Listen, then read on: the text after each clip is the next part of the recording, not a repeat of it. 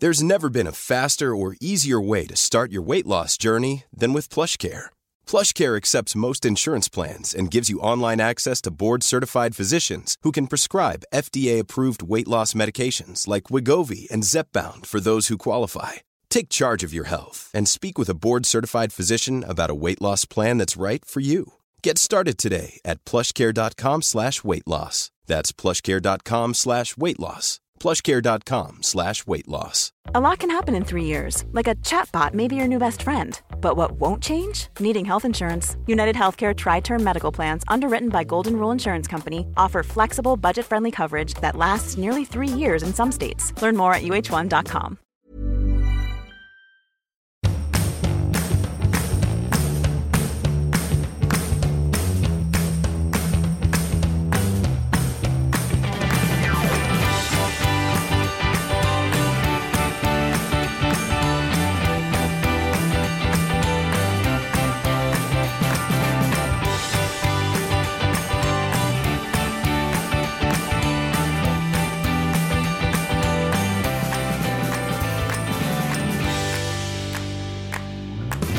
Hejsan hejsan, här sitter Sickan Karlsson i Venedig och tittar ut över havet.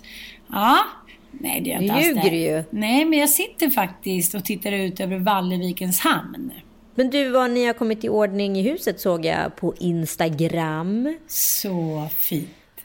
Eller hur? Helt otroligt. Ja, så fint och så fina färger och... Ja, men allting blir bara... Ursäkta mig, men det blir som en dröm. Men det är också det att när man gör någonting som är så gediget och så bra från grunden och allting bara är här, samma material men bara uppfräschat och med nya Ja. färger och liksom nya prylar och nytt kök så här, då blir det så himla härligt för det är ingen som har råd att bygga sådana där hus längre för att det tar ju typ 200 år. Ja, Så- men exakt. Ja, så att, äh, nej, det börjar bli eh, riktig, hä- riktig härligskap.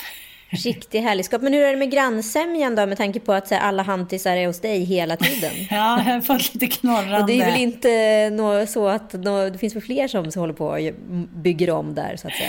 Nej, absolut inte. Det är bara jag som bygger om. Nej, det har väl varit lite knorrande. Lite Är det så? Eh, Men det är väl lite, alla vill ju ha klart sina grejer till midsommar, så är det ju. Ja, Men ja för då kan ska ju- alla ha fest. Ja, men då ska alla komma hit och liksom, ja men du fattar, alla kommer hit till midsommar. Det är liksom the great opening weekend typ. det är egentligen den eh, inofficiella Stockholmsveckan. Ja, så kan vi säga. Ja. Men jag tycker fortfarande, vi bor ju fortfarande på hotell eftersom vattnet inte är på, badrummet blev klart idag och sådär. Vi har ju typ ingen el, vi har ingen TV, vi har ingen internet, bla bla. Och barnen kommer på torsdag. Men vi får spela fotboll. Nej men det är väl lite specifikt med en ö där. Jag, nu är inte jag ute efter att snaska till det, men det är, liksom, det är väldigt skört med det här med grannsämja. Alltså antingen så är man ju med och leker på lika villkor. Det betyder att ingen ställer något mer krav än någon annan. Eller så är det helt plötsligt någon som gör det och då är det är jävligt bräckligt alltså. Men det, det är ju också så här äh, att de flesta som är på ön har också varit här liksom i generationer. Ja, men jag tänker när man är på Fårö, det är ju liksom sossenästet. Då har ju liksom Palme bott där, nu är hans söner och sen är deras barn. Det är liksom så här, once you're in Gotland you never leave. Det är lite som Hotel California. Men jag tänkte på en grej, för det här är väldigt intressant, för det här kommer bevisa sig lite senare i sommar. Det här ska bli en intressant följetong tycker jag, att följa upp.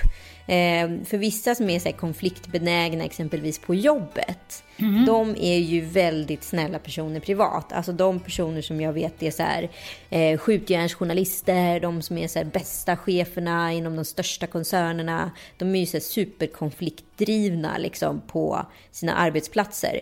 Eller liksom inte bara konfliktdrivna utan de är, så här, de är jävligt så här sturska och vågar ta fighten. Liksom. Sen när man liksom träffar dem privat, om man inte känner dem i jobbsammanhang, då är det liksom som att få en chock. För de är så two-faced att de är typ de snällaste personerna som man kan ha att göra med. Aha! Vilken intressant spaning. Ja men är det inte så? Ja, jag vet inte. Jag bara tänker lite. Jag tänker också mycket på uttrycket när fan blir gammal.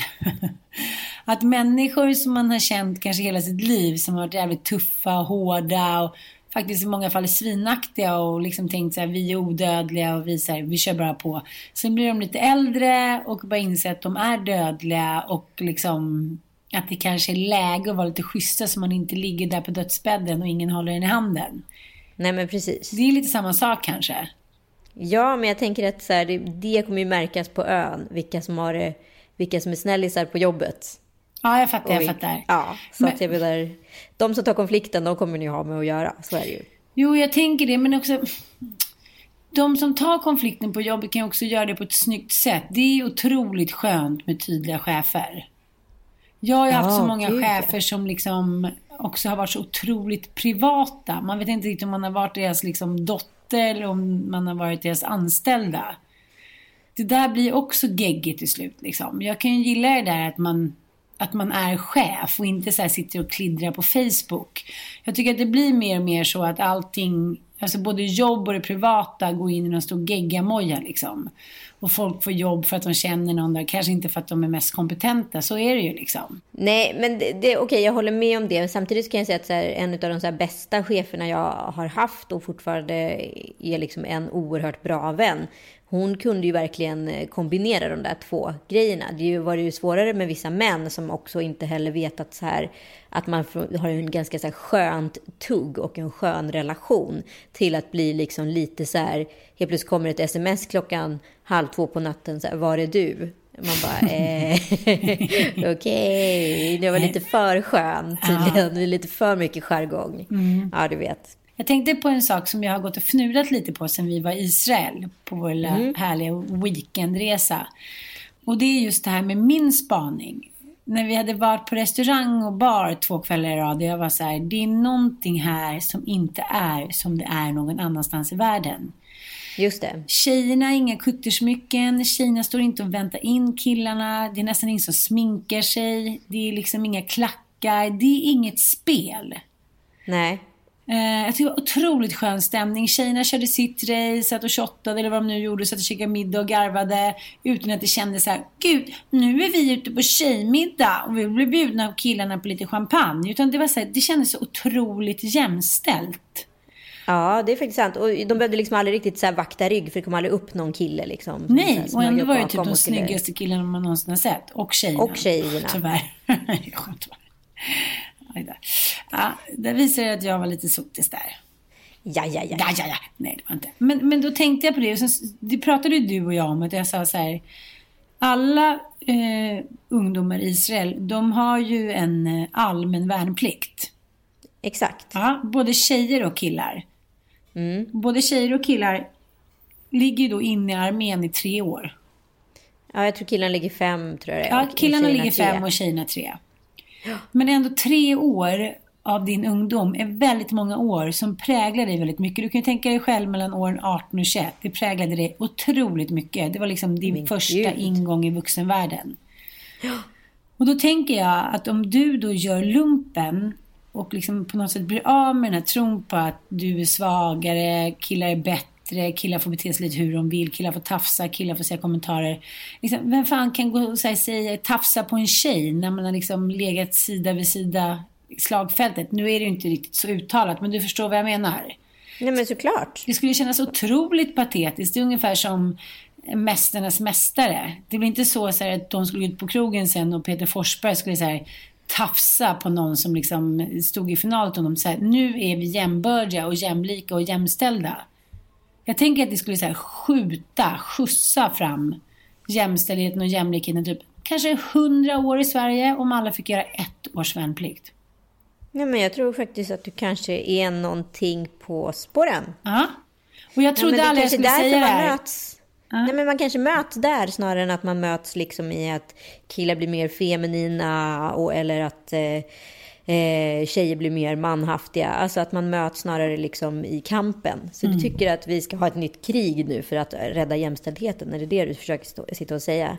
Nej men alltså det blir ju inte krig. Alltså det blir ju så här, vi kommer väl aldrig hamna i krig. Här, vi kommer aldrig våga och ingen, så här, ingen vill ha oss kanske längre. kanske någon men gammal, säg inte det. gammal ryss med skägget i brevlådan. Nej, jag menar inte att det behöver bli krig för det. Jag menar bara att man behöver inte kalla det för värneplikt. Det kan vara så här ett jämlikhetsår. Det behöver inte bara, ja. liksom, det behöver inte bara handla om att man ska så här, lära sig skjuta med vapen och liksom kunna lokalisera en fiende. Det skulle kunna vara allt från så här, matlagning till att lära sig byta blöjor, till att prata om liksom, jämlikhet, till att prata om hur man ska ha en relation, det sexuella. Alltså liksom ett sånt här ett utbildningsår med jävligt schyssta lärare. Ett gymnasium typ. Men jag fattar vad du menar. Mm. Kommer du ihåg de där killarna som drog iväg då typ dagen efter studenten och blev inkallade då i Försvarsmakten eller gjorde lumpen som man också brukar säga. Ja. De killarna...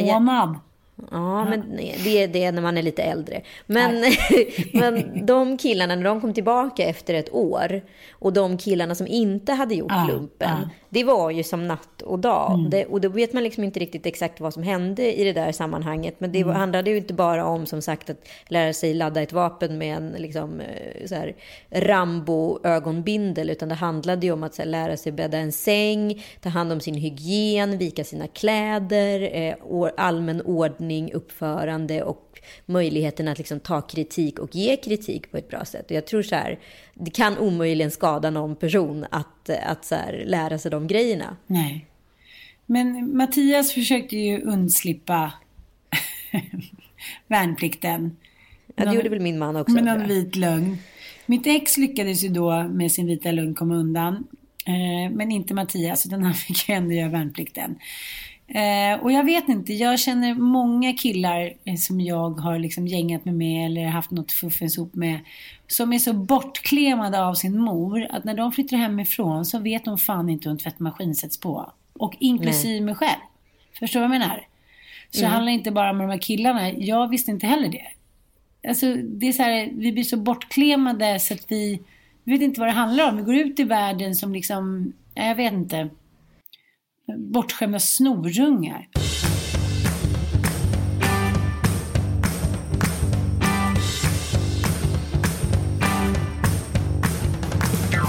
Såg någon så ny statistik för Försvarsmakten. Att eh, hur mycket det har minskat, liksom hur mycket inskränkt försvaret har blivit. Och jag tänker, och gud det kommer låta som att vi är sponsrade av Försvarsmakten, det är vi inte. Men, krig, jag tänker, krig. Jag, jag, läste, jag läste på KIT, eller KIT, den här eh, nyhetssajten, eller vad man ska kalla det för. Och då, jag tror liksom att det är en, en, naturlig fas som kommer komma nu när det har varit väldigt mycket så känslighet och alltså som en reaktion på det kommer nog vara just att folk börjar liksom vill ta ansvar och göra lumpen igen och vill, folk kommer vilja känna att man är en del av någon större typ av världsorganisation. Och då tror jag att man så här, just nu i såna krigiska tider att det kommer kanske vara ett naturligt steg under 2017. Liksom. Jo, att man börjar ta värvning liksom. Men jag tänker också på min egen liksom, snigelfartiga utveckling vad det gäller liksom, att nå självständighet och inre styrka och liksom, etc. etc. Att jag kollar på det här engelska programmet som handlar om, liksom, jag tror att det var 15 tjejer som blir, ehm, ja, de blir liksom utsatta eh, eller placerade på en öde ö. Och då menar jag verkligen så här, på en öde ö, de har inte ett skit, de får till och med filma varandra. Oh, herregud. Ja, men alltså det är superspännande. Ja, men det är på ja. SVT. Alltså det är så här, det är ormar och det är djur. Det finns ingen mat och de är sönderbitna. Och de ligger bara i liksom frossningar för att de inte hittat någon mat. De äter råa djur. De dödar liksom vildsvin. Alltså de förvandlas till så här flugornas herre in a good way. Och de klarar det liksom? Ja, ja, de är grymma. Några åker ju hem såklart. Men så här förvånansvärd liksom, styrka i så här hårfrisörskan from Essex. Eh, reklambruden mm. from London. De är så här, de, liksom, de är där och veckorna går och vissa faller ju såklart bort. Men de är såna tough bitches liksom. Och då tänker jag, vissa av de här tjejerna är jätteunga. De kommer ju komma tillbaka från den här öde djungeln som de kommer ju komma tillbaka från den här öde som inte ens liksom är Robinson-romantisk. Den är bara äcklig och det bara flyter land grejer och det är bara äckliga djur och det är äckligt vatten. Allting är bara så här icke-paradisiskt. De... Det var inte som i Kändisdjungeln. det var ju supersoft. Nej, men det jag skulle vilja säga är att de kommer komma tillbaka nu vet inte jag hur det slutar eftersom serien fortfarande går. Men de kommer ju komma tillbaka från den här vistelsen med sån jävla överlevnadsinstinkt. De kommer vara så här, men come and get me. Så här, tror att de kommer ta någon skit från någon kille? Tror att de kommer ta någon skit från någon chef? Tror de kommer vara rädda inför liksom resa eller skaffa barn? De kommer bara vara så här, jag gjorde det där, jag klarar allt. Och det tycker jag mm. att liksom, det tog många år för mig. Det tog liksom ja, något halvår efter min liksom, skilsmässa. Då var jag ändå så här, ja, men det 39-40.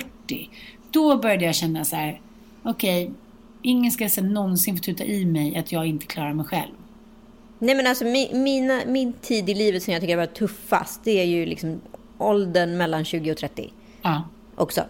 Och, och då var det ju så här att man liksom hela tiden så här vågar man ta sig genom livet utan att bli ledsen så har jag liksom lyckats. Som att, så här, att vara ledsen är det värsta som skulle kunna ske ah. i ens liv. Ah. Att vi marginaliserar varenda liksom, mm. nanosekund utav tillstymmelse i känsla utav ledsamhet. Ah, ah. Genom att så här, plocka upp telefonen eller eh, direkt ringa en kompis. Eller, eller gå på liksom, krogen. Ja, men alltså, det är som att så här, det är ju inte konstigt att topplocket går och det pyser över då och då. Liksom. Men att, så här, att grina ibland är ju inte hela världen. Liksom. Men det är ju, tar ju ganska mycket emot att göra det. Och jag tänker att det här kanske är så här 10-talets och till och med 00-talets största liksom, eh, alltså lögn.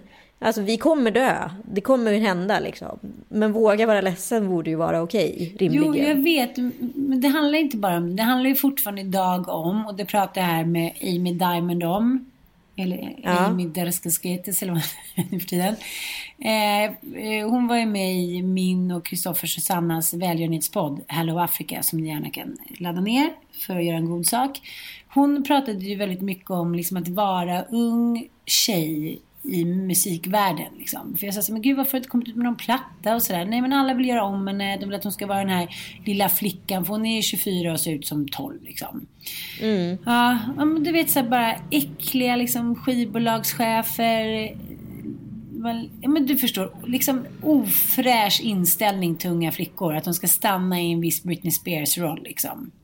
Ja men de har varit i den där miljön lite för länge ja. och liksom hunnit... Ja, men jag tänkte på verkligen på så här skärgårdsdoktorn Ebba. Ah. Nej, men liksom, hur många så år tog det inte för henne att så här reparera, reparera sig från den där branschen? Idag har hon ju värsta superkarriären liksom, inom näringslivet. Mm. Men det, det var ju liksom det enda vägval hon kunde ta. För att folk hade varit så jävla äckliga mot henne. Liksom. Nu kommer jag att tänka på Kändisdjungeln igen med Pippi. Ja. wow. Nej, men jag tror att det blir också, det kan bli ett sånt otroligt ok. Nu kommer det aldrig bli, tror jag, igen på samma sätt. För att när Astrid Lindgrens liksom, böcker ja, filmatiserades, då fanns det ju inget annat. Det fanns inte bio typ. Det fanns inte poddar, det fanns inte Insta. Alltså det fanns, det fanns ingenting. Så de Nej, här... men så Inger Nilsson blev ju liksom erbjuden att vara med i porrfilmer och allt möjligt. För, liksom, folk erbjöd henne sprit från att hon var så 13 år. Liksom, ah, på, ah. Det, det var ju sjukt liksom. Men det som var så sorgligt tycker jag med henne, utan att hänga ut henne allt för mycket, det var ju att det, hennes boja var ju också hennes frälsning. Förstår du vad jag menar? Mm. Hon ville ju inte prata om sin tid som Pippi i början av programmet. Men sen så när intresset för henne inte visade sig vara så starkt från, från ah. liksom svenska tv-tittare. Nej, men då ville hon ju så plocka fram sitt trumfkort. Ja, och då blev det Pippi. Ja, precis. Ja, det blev det ju såklart. Och liksom, hon lever ju på det fortfarande. Att hon åker runt i så här, italienska talkshows och är så här people long stocking. Så det är så här, ja. Det är liksom... Pippi Långstocking kanske? Pippi Långstocking, ah. Nej men jag tyckte bara att det var så himla sorgligt. Ja, men verkligen. Och plus att hennes här utseende då i den här väldigt specifika frisyren och de här ganska stora liksom, framtänderna. Det var ju, det var ju liksom ett så utseende som så var lite patenterat också i och med att karaktären ja. i boken också såg ut så. så här, ja. Hon var ju verkligen typecastad. Mm, mm. Eh, så det, måste, det kan fan inte ha varit helt lätt alla gånger. Alltså. Bobban är besatt av Pippi. Och jag tänker så här, vad är det han gillar så himla mycket? För det går ju liksom i slow motion. Och så är det en så här kling och klangbuskis och så är det en apa som bara... Ah, ah. Och sen händer det ju inte så mycket mer. Och han tycker att det är så bra. Pippi, Pippi. Så det finns ju någonting i färgerna, i liksom det långsamma samtalet som barn inte är vana vid. De blir typ hypnotiserade. Ja men idag, alltså kollar du på liksom någonting som finns på så här Netflix i barnprogramsväg eller någonting på YouTube. Just nu kollar ju mina barn tyvärr på det här Spiderman och Elsa. Det är typ, alltså det är så jävla låg fucking nivå. Alltså vi har ju så här, så här, fort vi ser att det är på så bara springer vi in och byter. Nej, det är en snubbe som är utklädd till Spindelmannen i Spindelmannen direkt och så är det en tjej som spelar Elsa i Frost. Och det är väl så här, det är ju sjukt smart. Jag tror till och med att det är svenskproducerat. Det är alltså, ja, och då gör de olika grejer. De kan spela minigolf, de kan åka i en bil, de kanske är på ett kalas. Alltså, det, det, är bara de två karaktärerna utan någon fucking story i liksom olika sammanhang. det borde du och jag Eller testa. minimal story. Ja men du fattar ju, det är ju så här 3-4 miljoner liksom klipp, eh, alltså spelningar Du och jag på sitter grejerna. på krogen, du och jag shoppar, du och jag är hos barnmorskan.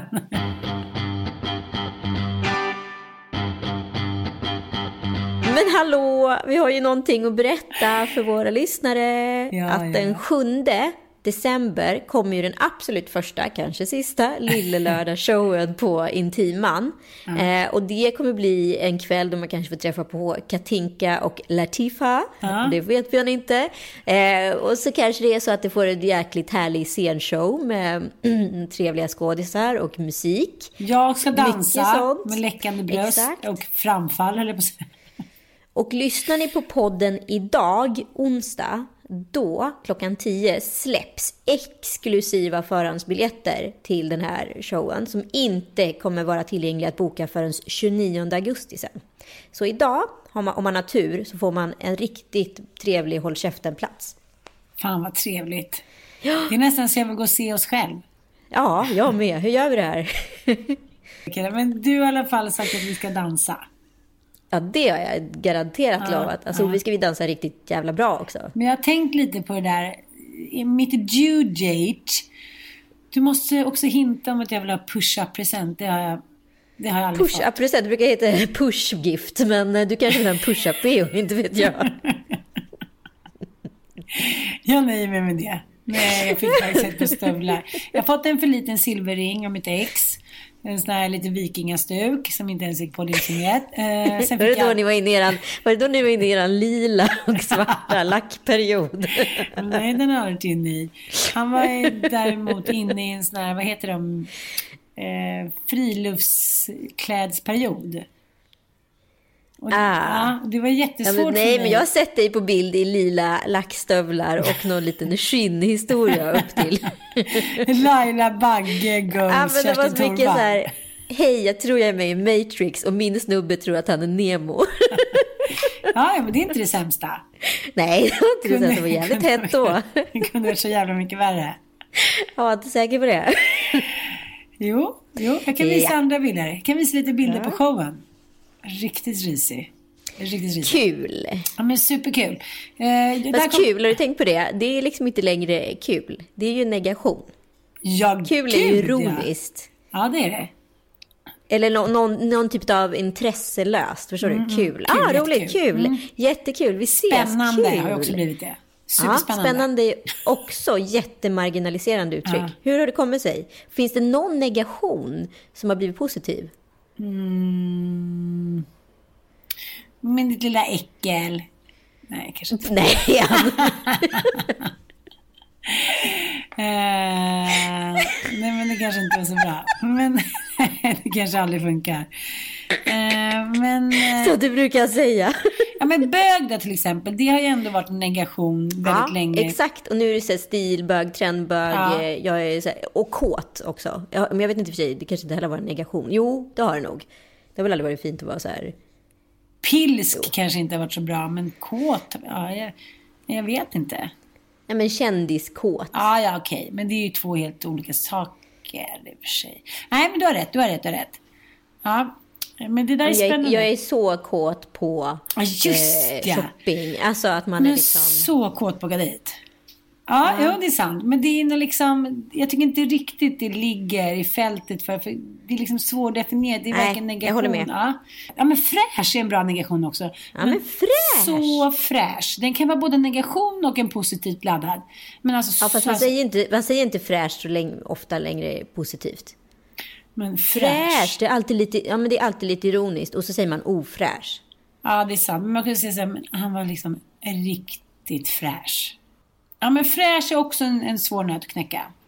Ja, jag gillar fräsch.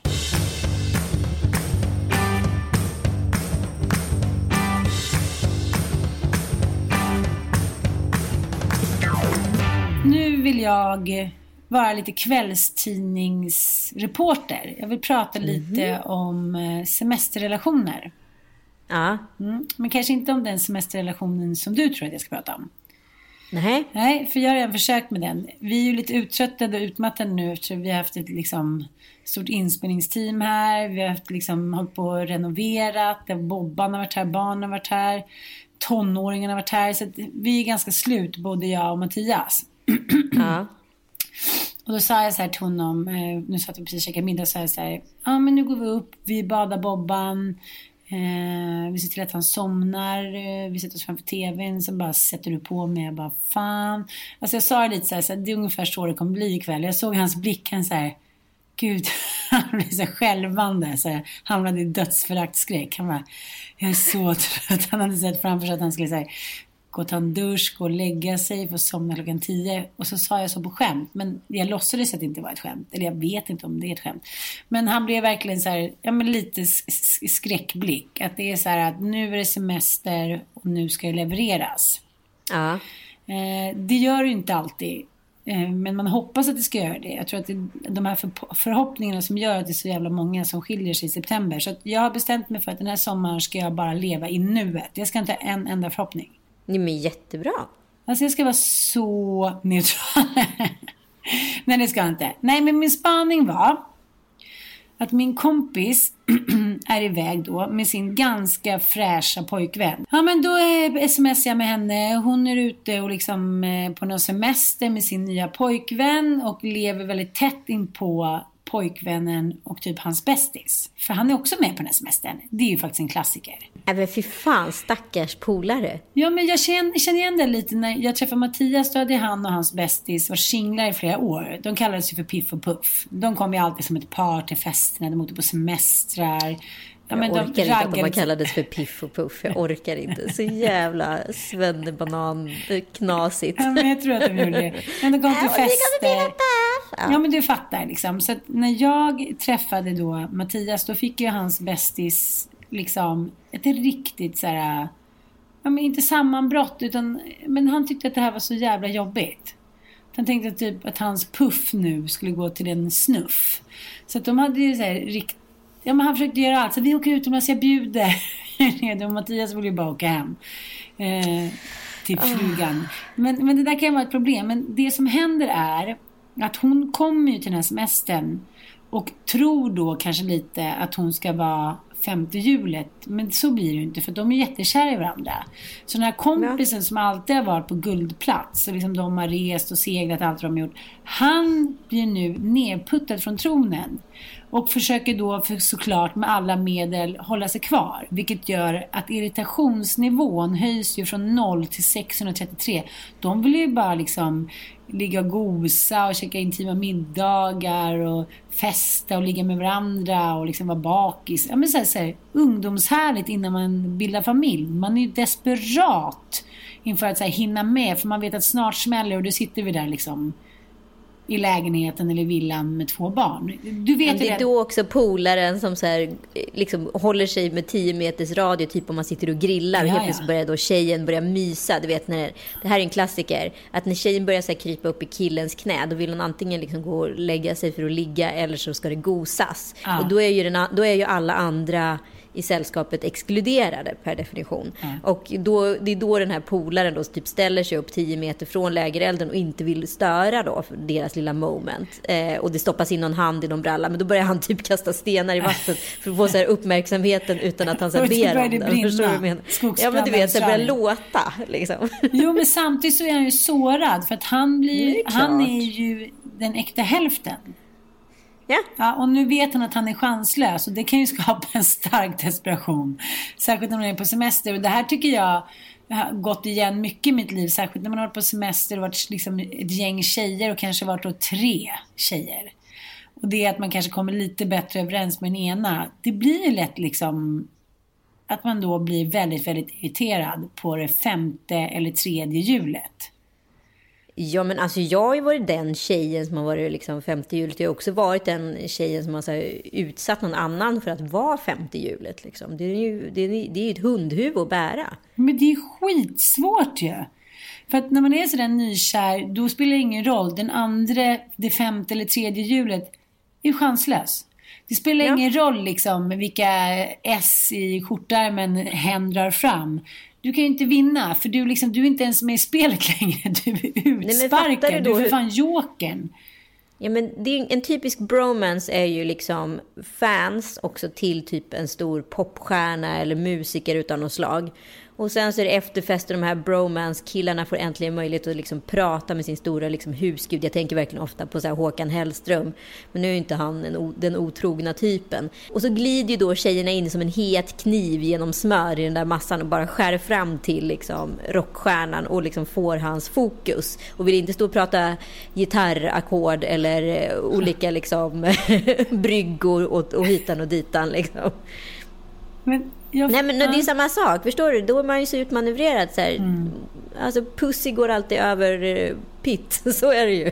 Men bara så här, gå hem själv genom Stockholmsnatten. Det är liksom ett sånt otroligt nederlag. Och jag kan tänka på det lite. De flesta av mina tjejkompisar har ju... Det låter så himla konstigt här, men så här, star, haft mycket starfucks. Alltså så här, mm. legat med den där coola killen i det där bandet. Så här, legat med en okola killen i bandet. Ja, men så här, i alla fall legat med kända män. Mm. Men jag tror att jag vet inte. Ja, men vadå, det har väl jag också varit liksom med om att man har suttit på efterfester med någon sån jävla popstjärna. Och sen så liksom börjar polaren hångla, eller jag, med den. Och sen så är det liksom så här över. Förstår du vad jag menar? Jo, jag För vet. Den som är, som ja, jag vet. femte hjulet. Nej, men ibland så tänker jag tillbaka med liksom, dels med lite så bitterhet och dels också med lite förundran på min så ride med pojkmansligg och sådär. För jag har ändå intervjuat allt från Backstreet Boys till så Janne Kask till E-Type till, ja men du vet. Ja, ja, ja. men ändå så här, nu kanske inte nämner några heta män, men du vet. Ja. men de var väl heta på 90-talet, ja. vad ska jag säga? det är så gammal som du är. Jussi Björling. Snoddas. Carl Bildt. Ja, men hur ja. som helst. Och då blir jag så här, jag har ju varit där liksom, i de där kretsarna. Men... Med Carl Bildt? Nej, men jag tänker tillbaka på det här med de ja, mina väninnor då, bland annat du och Hanna och allihopa. Ni har liksom, det har ju varit coola, heta killar och en del ocoola, heta killar. Och, men i alla fall liksom eh, i alla fall skårat. och kunnat skryta lite om det. Men så jag säger, okej, okay, var nära att hångla med typ Janne Kask en gång. Kanske stod lite nära han eh, pappa Di en gång låg med någon så obskyr fotbollsspelare någon gång. Alltså så här, det har varit... Obskyr? Vad betyder vad menar du med det? Nej men alltså, jag kan inte säga hans namn. Allsvenskan eh, Ja men landslaget liksom. kille ja. liksom i alla fall. Ja, landslaget ändå, ja, det är inte så obskyrt. Ja, okej. Okay. Säg jo, inte att det var Thomas Ravelli, min stora kärlek. Nej men det var inte liksom, alltså det var inte Martin Dahlin eller Zlatan om vi säger så. Du kan gå Nej. ner mot en annan nivå, typ Sven-Bertil Taube. Oh, jag har en kompis som har legat med Zlatan. Nej. Jo. Oj, förlåt, nu lät jag alldeles för stargeistat Nej, men du vet vad han gjorde? Hon, alltså de hade, det var ju jättelänge sedan. Alltså det här var ju när han spelade i Ajax liksom. Och de dejtade. Eh, och hon hade väl nobbat hans samtal under kvällen och var på någon annan dejt tror jag. Eh, och det var på så här teatergrillen och han får i alla fall reda på att hon är där. Så kommer han in och bara Ska du kuka gud så kommer du nu. Nej, så sa han inte alls. Så sa han. Nej, inte redan när de spelade i Ajax. Jo. Han har haft självförtroende hela tiden. Ta det lugnt. Tydligen inte jag. Janne Kask, inte alltid du. förlåt. Kom tillbaka, sätt på mig nu. ja, jag får vara nöjd med min fotbollsspelare tycker ändå att det finns någonting liksom stargazing när du berättar om dina vilda anekdoter med liksom kända män under din svåra groupie-tid. Jag hade ju också den, men liksom, ja. med helt andra män. De är inte alls... Inte för att det spelar någon roll, men det finns ju ändå liksom, när, när fan blir gammal som jag pratade om förut, finns det ändå något roligt i att berätta för barnbarnet att man har legat med en viking eller, alltså du förstår. Men du måste berätta någonting. Då, du berättar i showen! Ja, men det kanske kommer något i showen, vem Vi vet? måste bjuda in, vi måste bjuda in Eller så Janne bjuder vi Kask. in, eller så bjuder vi in dem, och får de tala ut. Det är faktiskt skitkul. En sån måste vara med. Åh, okej då. Ja, Janne okej, men då Kask ska, jag, då ska jag bjuda in någon, då ska jag, bjuda, då ska ringa Hanna och ta reda på någon riktigt jävlig jävel och så får du bjuda in någon i smyg. Ja, så gör vi. Så gör Ja. vi. vi kanske kan blurra någon.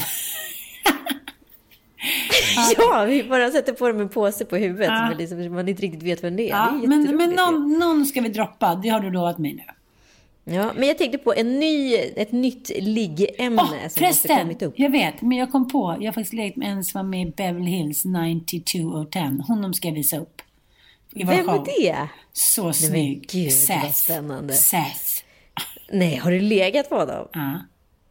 Han var halv... Seth? Nej. Vänta, var det inte det Brian Austin Green? Nej, nej, nej, inte så. Nej, han var inte så. Han var mer periferit. Men han var eh, hälften indian och hälften afrikan och typ hälften... Alltså han var tydligen 150 procent av någonting. men- Och hälften vit. Men så här, ja, men, han var så snygg. Han var så snygg.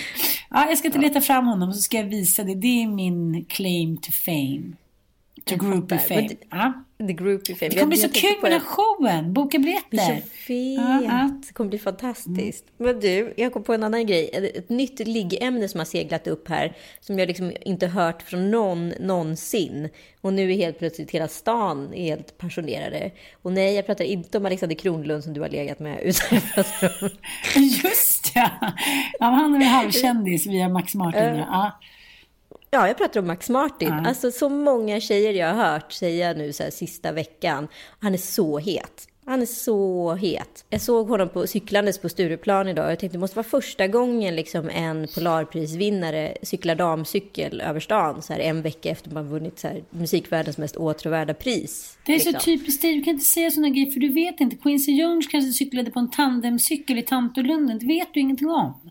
Det, det vet jag ingenting om, men jag Nej. tänker ändå Ja. att det som ändå är så här, liksom väldigt tydligt med Max Martin, och jag tycker det är väldigt intressant varför så många kvinnor helt plötsligt tycker att han är het, Ja. det är ju att han är oerhört ödmjuk, Ja. grundligen. Han är en sån här klassisk så här, musikerkille. Han är som en superödmjuk. 90-talist.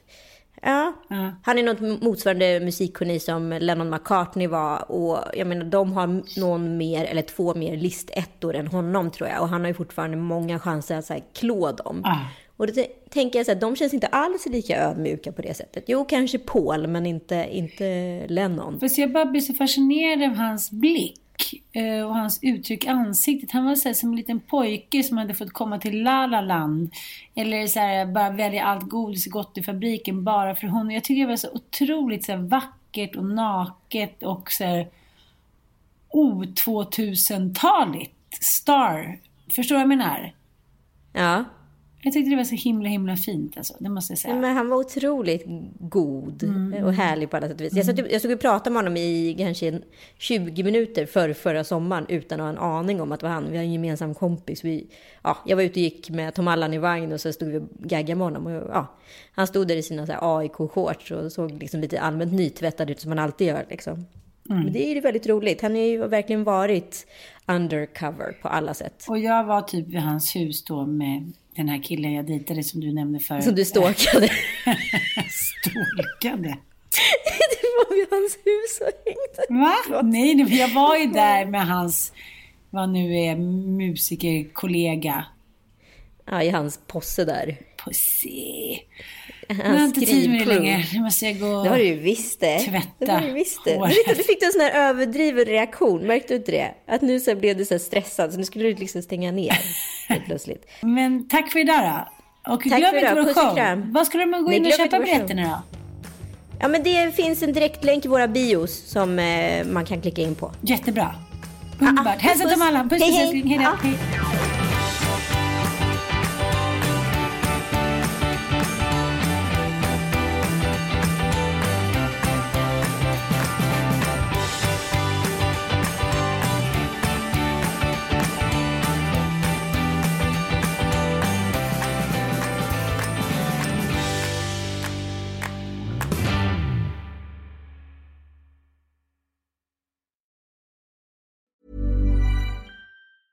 Even when we're on a budget, we still deserve nice things. Quince is a place to scoop up stunning high-end goods for 50 to 80% less than similar brands. They have buttery soft cashmere sweaters starting at $50, luxurious Italian leather bags, and so much more. Plus, Quince only works with factories that use safe, ethical, and responsible manufacturing. Get the high-end goods you'll love without the high price tag with Quince. Go to quince.com/style for free shipping and 365-day returns. Hey, it's Paige DeSorbo from Giggly Squad. High quality fashion without the price tag. Say hello to Quince. I'm snagging high-end essentials like cozy cashmere sweaters, sleek leather jackets, fine jewelry, and so much more. With Quince being 50 to 80% less than similar brands. And they partner with factories that prioritize safe, ethical, and responsible manufacturing. I love that. Luxury quality within reach. Go to quince.com slash style to get free shipping and 365 day returns on your next order. Quince.com slash style.